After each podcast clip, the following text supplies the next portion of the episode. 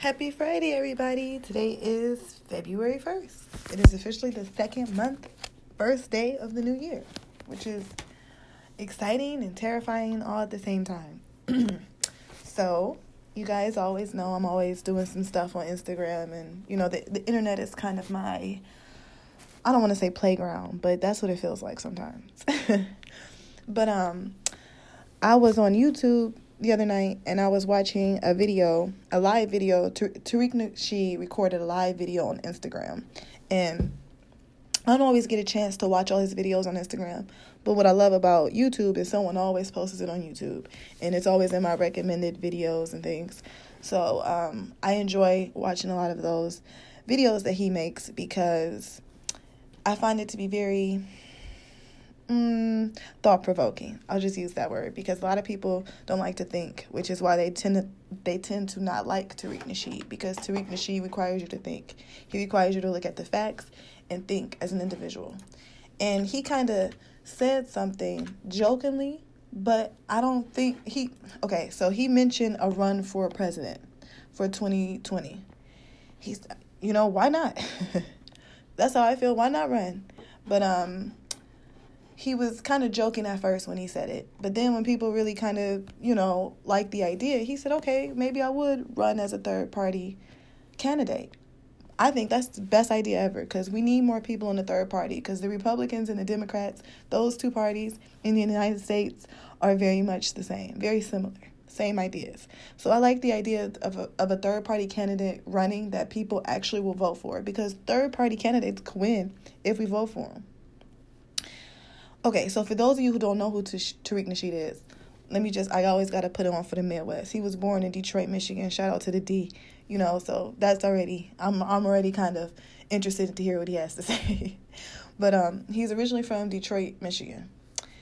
Um, he moved to California probably in his early, early kind of 20s or maybe, maybe early teens. But um, I became I guess known he became known to me during like my MTV years. I used to watch the show Made and he was on the show um, helping a guy become a ladies man. And I really liked the episodes that he was featured on because what he showed this young man how to do, which was to have confidence in himself. And then he wrote some other books like um, The Art of Macking, The Mack Within, The Elite Way, Play or Be Played, um, what every female should know about men, dating, and relationships, the art of gold digging. And for those of you who really want to take it back, if you all remember Charm School, when Mo'Nique hosted the Flavor of Love Girls, he came on an episode and did.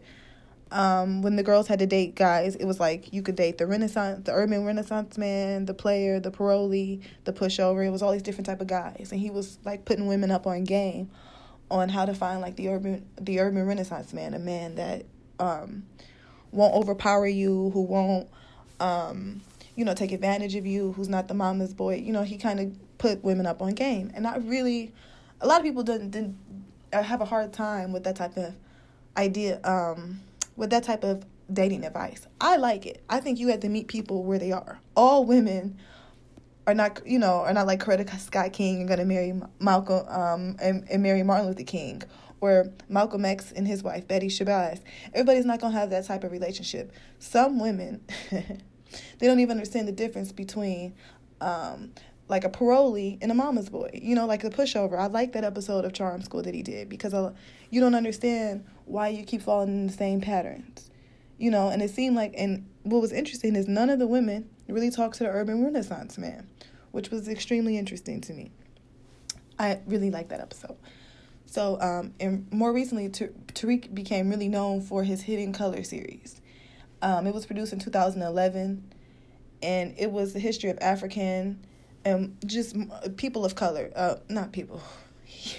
we all hate that term, but Hidden Colors was about African people in the United States and he talked about the Haitian Revolution. Like the the series is broken up into, I want to say four, because I know I've seen I've seen Hidden Colors one and two, and I and I want to say, yes, and I've seen Hidden Colors three in 2014. He released Hidden Colors three. Hidden Colors four was the one I didn't see, and that was released I want to say in 2016 about that time. And he's talking could be the more recent ones he's talking about releasing his hidden colors 5 and he's talking about he's um, finishing up some editing. So he's talking about when he's going to release that to everybody. Um now the idea of him running for president to me is like killmonger getting the vibranium to everybody else you know? Because i'm sick of the black panther which in this in this scenario, the Black Panther is black business as usual. You know, the top 10%, like the black elite. The what Malcolm X kind of talked against. A lot of the policies in place are only for the top 10% of black folks. You know, the people who really get the 4.0s or who really can handle the system of oppression with grace. You know what I mean? Like they can integrate or they cannot integrate, but they kind of can find their place with, without a lot of problem. And only 10% of black people, I feel like, really can do that because they have the foundation that they need for all of this. And, I, you know, that that's problematic for me. I feel like the masses, the 90% needs their attention. Malcolm X often talked about that. And I feel like Tariq Nasheed is kind of like the new age version of that.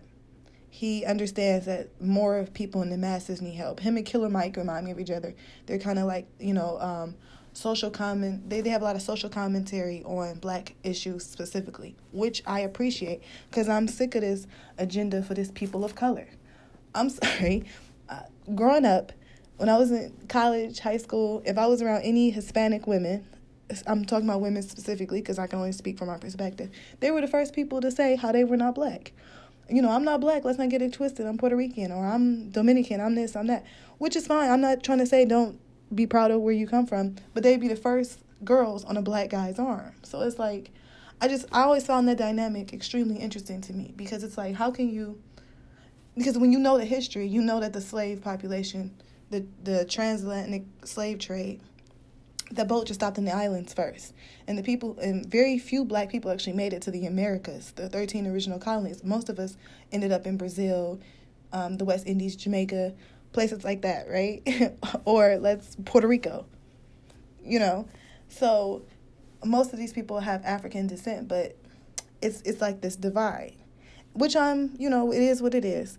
Because the idea is the treatment was different.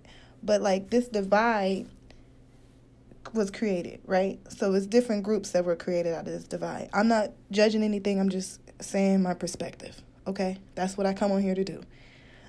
So this divide kind of created this I don't want to say this attitude, this hostility in a lot of ways, but it has. And I feel like a lot of people can benefit from these umbrella terms like people of color, but black people aren't benefiting the way we need to. You know what I mean? Like in 1965, when we wanted the things like voting rights and sh- stuff like that, we were getting knocked upside our head. Women, children, everybody. You know, there was no like, oh, we shouldn't treat women this way. We shouldn't treat children this way. No, children who were marching got bit and sprayed with water hoses, bit by vicious canine dogs that were that were put on them by the police, sicked on them by the police.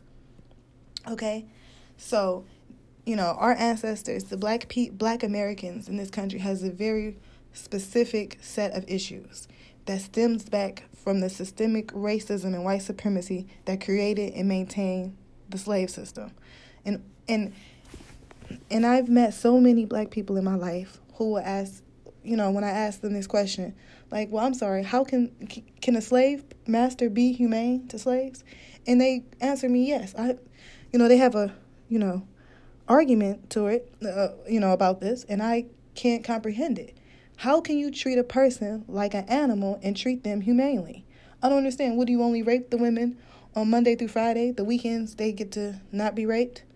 When you buck break the boys, do you only cut their genitals off on Sundays? Like I don't understand. How do you treat them humanely? Do you when when you're depriving them of food or or rationing them out food, do you give them more on holidays? Like I don't think you can treat a person humanely and not treat them like a human.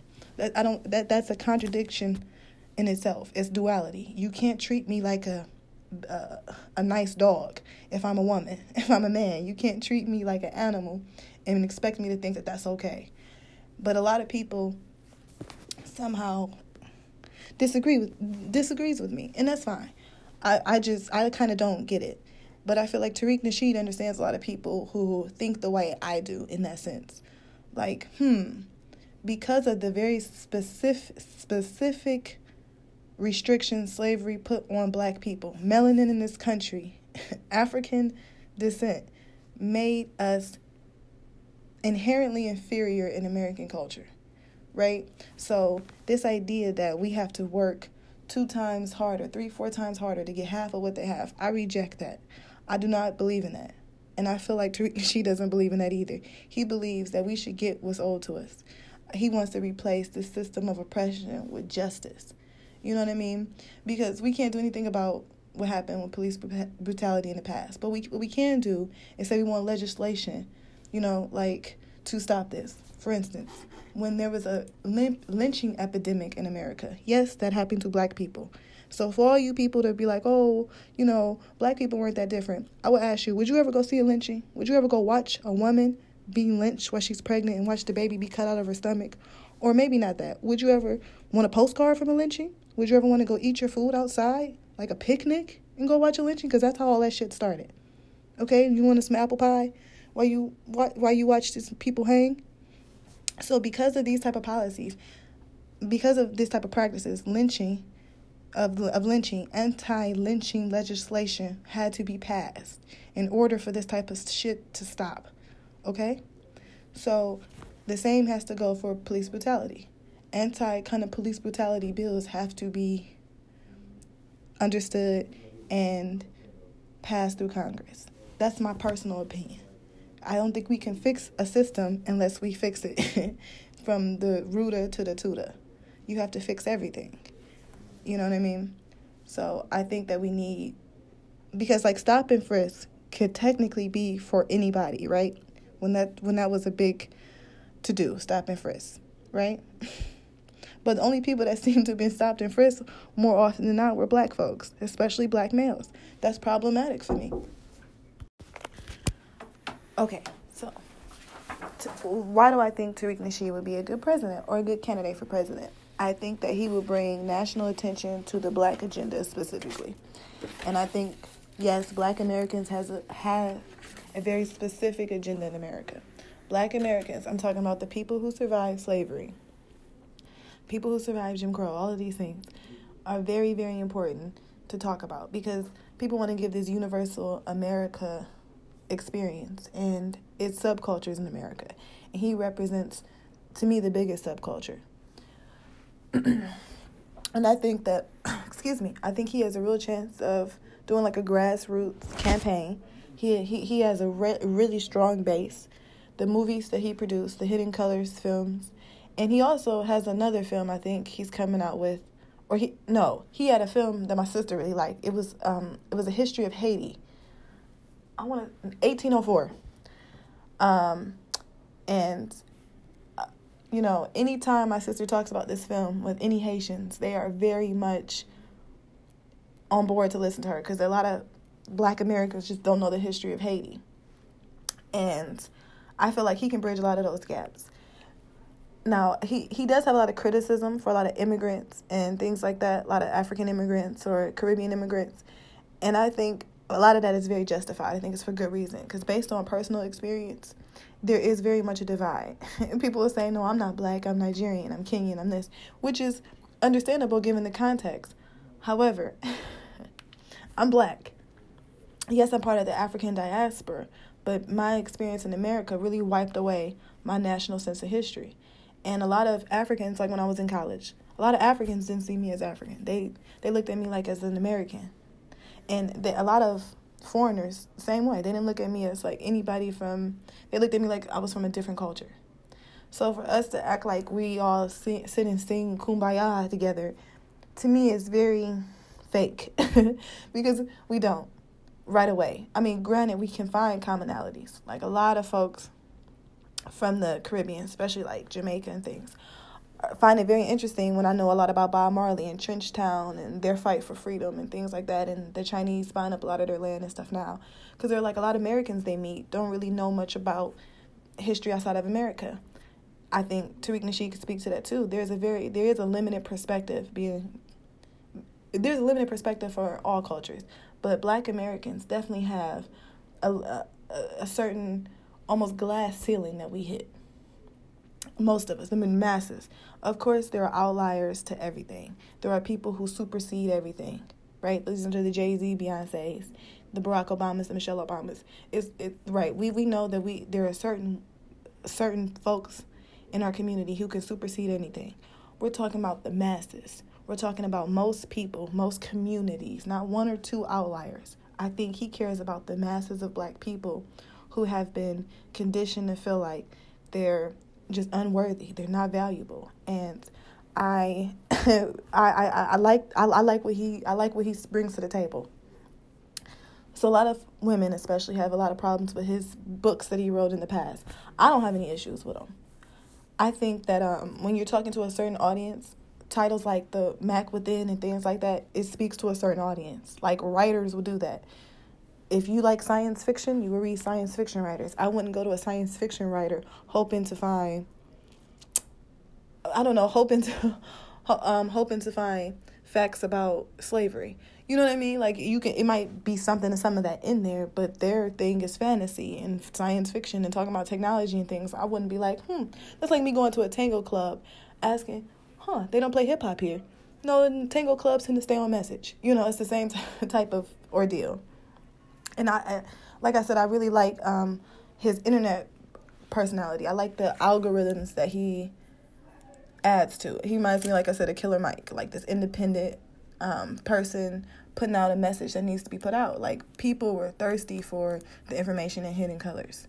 You know, they were thirsty to hear about where they came from. They just they were anything to know more about themselves. And I like that Tariq doesn't pander to begging for scraps, you know, begging for crumbs, begging for whatever they give us, scraping the bottom of the barrel. I like that he thinks that we're above that. Maybe that's a form of arrogance that I have, that I feel like I don't have to beg anybody for anything. I don't know. I'm from the Midwest too. You guys know I'm from Cleveland, went to college in Detroit, Wayne State. So I really it's something about us in the Midwest where we're just so sick of the status quo. And the racism in the Midwest is so rapid. Everything, especially in Ohio, we are the most segregated state ever. Like it is so segregated here. It's so this is your parameters, this is this, this is this. And every year, except every president except Nixon, not every year, excuse me, every president except Nixon has won the state. If they win the state of Ohio, they win the election. And we know Nixon was the only president that was impeached. That Watergate scandal. Okay, so let's just be clear about some stuff. But I, I the, the his internet personality, his internet radio show, all of these things I think are very lucrative to him running for president. Um, you know, as some of you don't know, and I'll share it publicly, I've listened to Donald Trump's last three books on audio. and the one thing I see that he was great at was marketing and advertisement and advertising. He knew how to get a message out. He knew how to use the media to get his message out for free and all of these things. He knew how to sensationalize things because right now I feel like we're in a culture of people are triggered. Clickbait is the start of it, right? You're trying to get just keep people to click. This idea of everything is free on the internet. You can only make your money through advertising. So clicks, this clicks mean money. clicks mean money. So now people aren't just looking for clickbait, people are looking for triggers. You know what I mean? They're looking for things that'll get you riled up. They know like anything that leads with dark skin, light skin gets the black community riled up, right?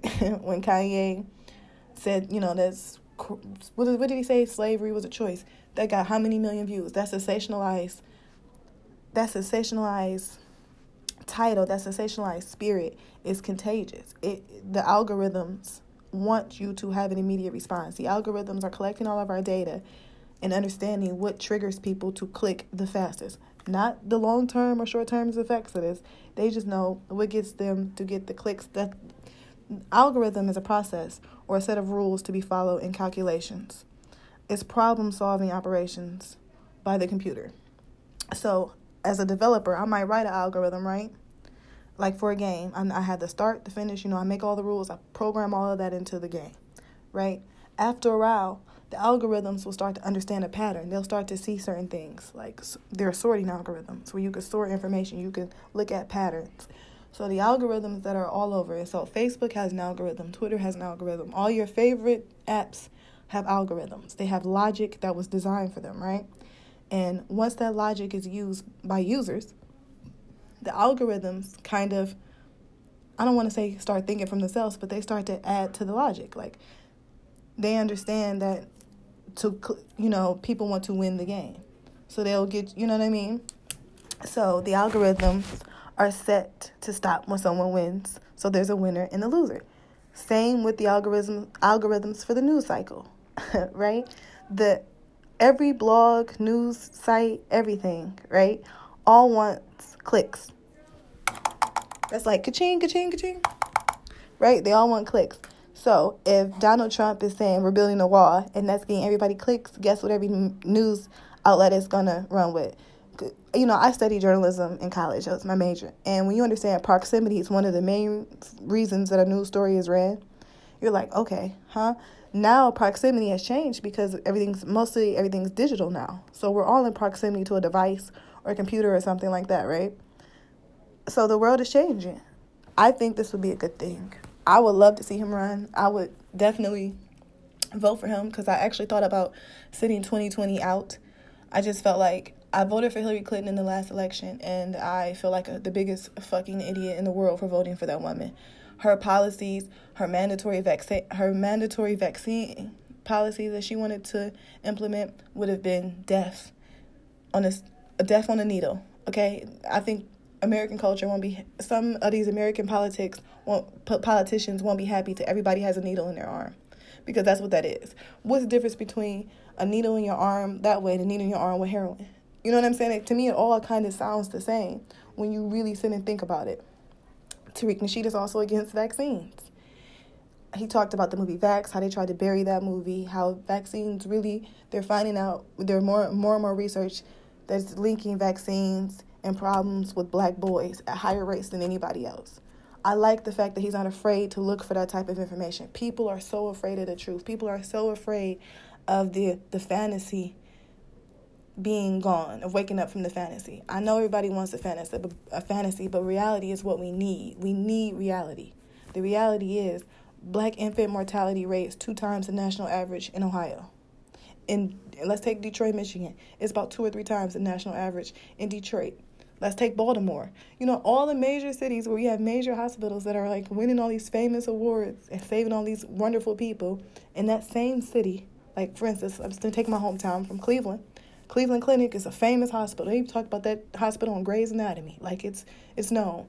And right in that same community, the infants, black babies are dying. For, for every one white baby born in Cleveland, Ohio, eight black babies die.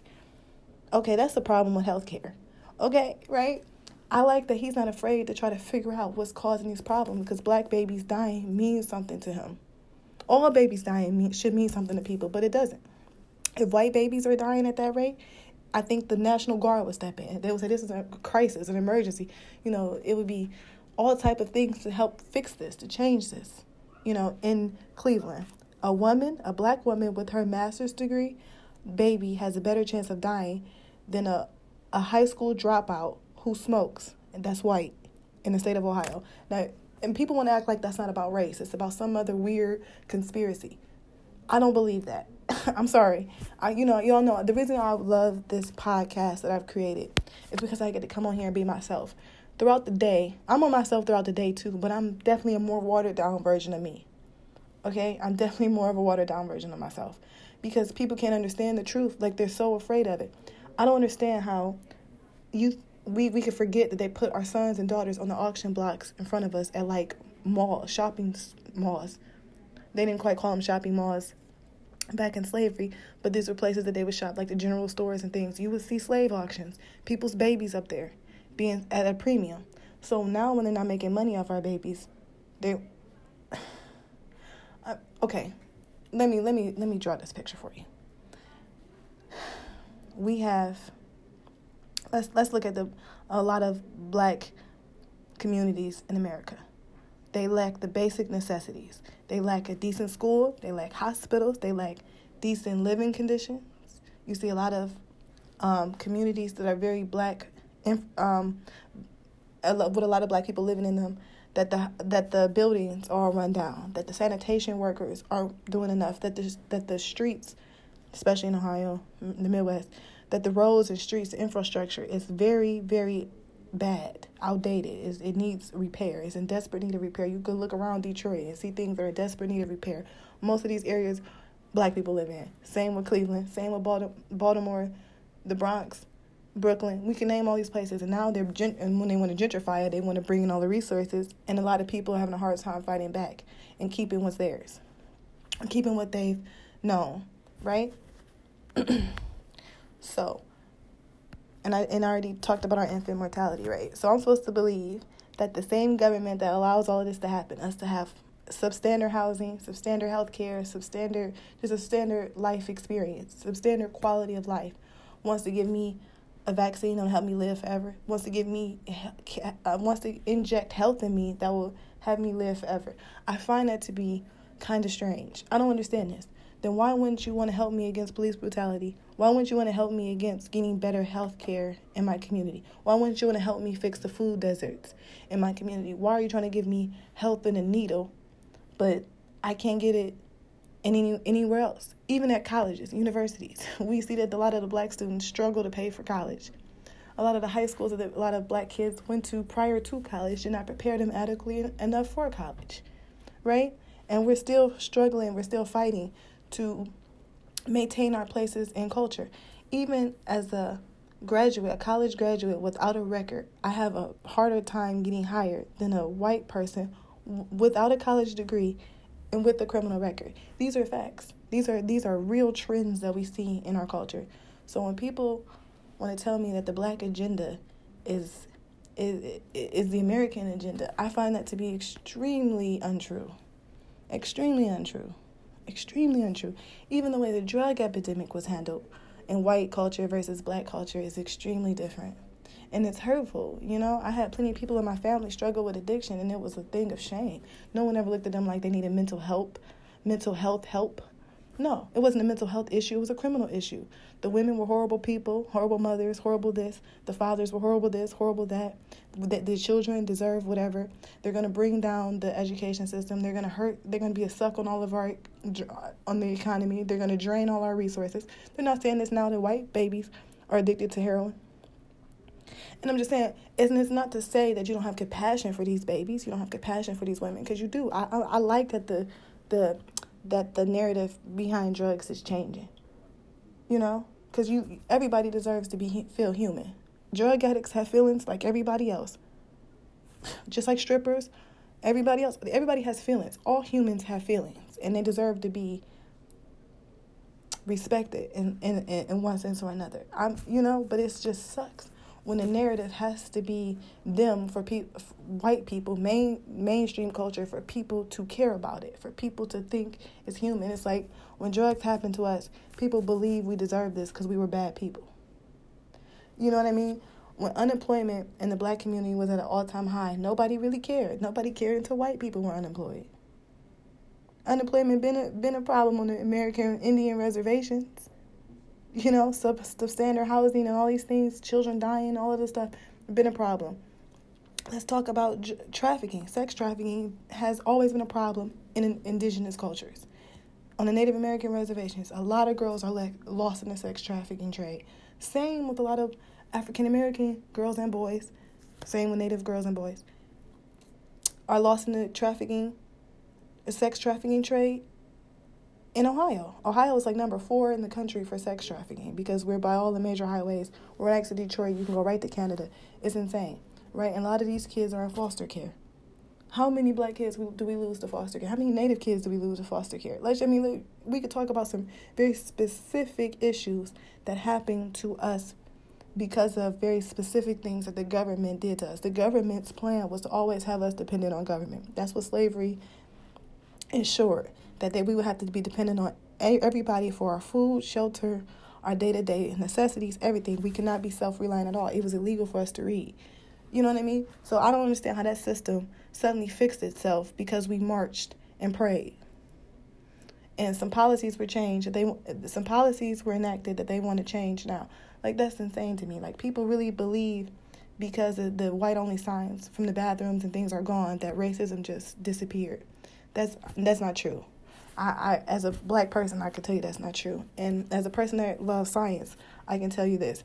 Energy is never created or destroyed. It's simply transferred from one object to the next. So racism is an energy. Everything on the planet Earth has an energy in it. Racism was is very much energy. So it was never created or destroyed, right? So where, how, where did that energy transfer to? Is it is it is, is it potential energy? Is it is it energy stored or is it energy in motion? Because in order to trans, you, racism has to be transformed that that that hatred, that whatever, has to be transformed into something else. And I think I think it could be transformed into patriotism, because Black Americans love this country. This is all we know. This is the only home we have. We want to see it flourish. We want to see it do. We want to see more jobs brought here. We want to we want to support more local businesses because this is supporting us. This is the only home we'll ever have. I don't have no national sense of history. If I somebody was to drop me off on any any of the what over 50 countries that are in Africa, any of them. I wouldn't know where to look. I wouldn't know where to go. I wouldn't know who to talk to, nothing. Right? Like let's just be clear about some things. You could drop me off in the Caribbean. I'm sure I'll have some fun there. I'm sure I'll have fun in if you drop me off in any other 50 over the I want to say it's at least 54 countries in Africa. But if you you know, I'm sure I can have fun there. I'm sure I can have fun in the Caribbean. I'm sure I can have fun all these places. But I'm I wouldn't be an insider. I would be looked at as an outsider. You know, I like chicken strips and fries. I like grilled cheese. You know, I'm very much an American girl. So I just, I, I but I want to be a part of American culture. I want to feel like this is home. In order for this to feel home, feel like home, I need to feel safe here. I need to feel respected here. I need to feel like my voice matters. Like my my wants and desires matter to just more than just to me and my and my preacher or the people in the, I'm praying with in the pulpit. Like it needs to matter to more than just these people that I see every day. That's why I think Tariq Nasheed, I think him running would be awesome. I really would love. I think he could win because I don't know. I think he just could because he just seems that cool. But I don't even think Winnie is on his agenda. I think the fact that he, I think he really just wants to put the issues out there so our agenda can finally be validated on a national scene. I would love that. That'd be my. That's I think that's all of our greatest hope from this. I, I, I hope he runs. I guess that's my long winded way of saying I hope he runs. He has my vote. Like I said, I was going to sit this election out because I felt horrible voting for Hillary Clinton. I'm so happy. I, it's not crazy. I'd rather Trump than her. But so we'll see. You know, uh, like I said, I like to see the, the guy from Detroit really go and shake some things up because that's what they do. They shake it up in the D. You know, it's it's the realest people you ever meet there. Detroit at one point in time in American history had the highest middle class black population in the country, and that's because of the factories. There, a lot of people worked for Ford, GM, all of these places. You know, they went to the South, where a lot of our families are originally from, and they recruited a lot of these people. You know, we got jobs in the Midwest. We have a lot of industry. We need workers that black excellence from Detroit didn't just disappear because they closed the factories. It's still very much there. It's just potential energy, energy stored. Energy is never created or destroyed. The black excellence in Detroit is still there. The black excellence all over America is still here. I think that this is like the flame that can reignite our dopeness, our excellence, our pride in self as a whole. Not because individuals have this pride, but I want us to have it as a community again. That's my hope for the future. So let's see how it goes. I'm curious to see who you know who won who who could win against Trump because I feel like without a really strong candidate, Trump's gonna get it again. So I'm rooting for Tariq.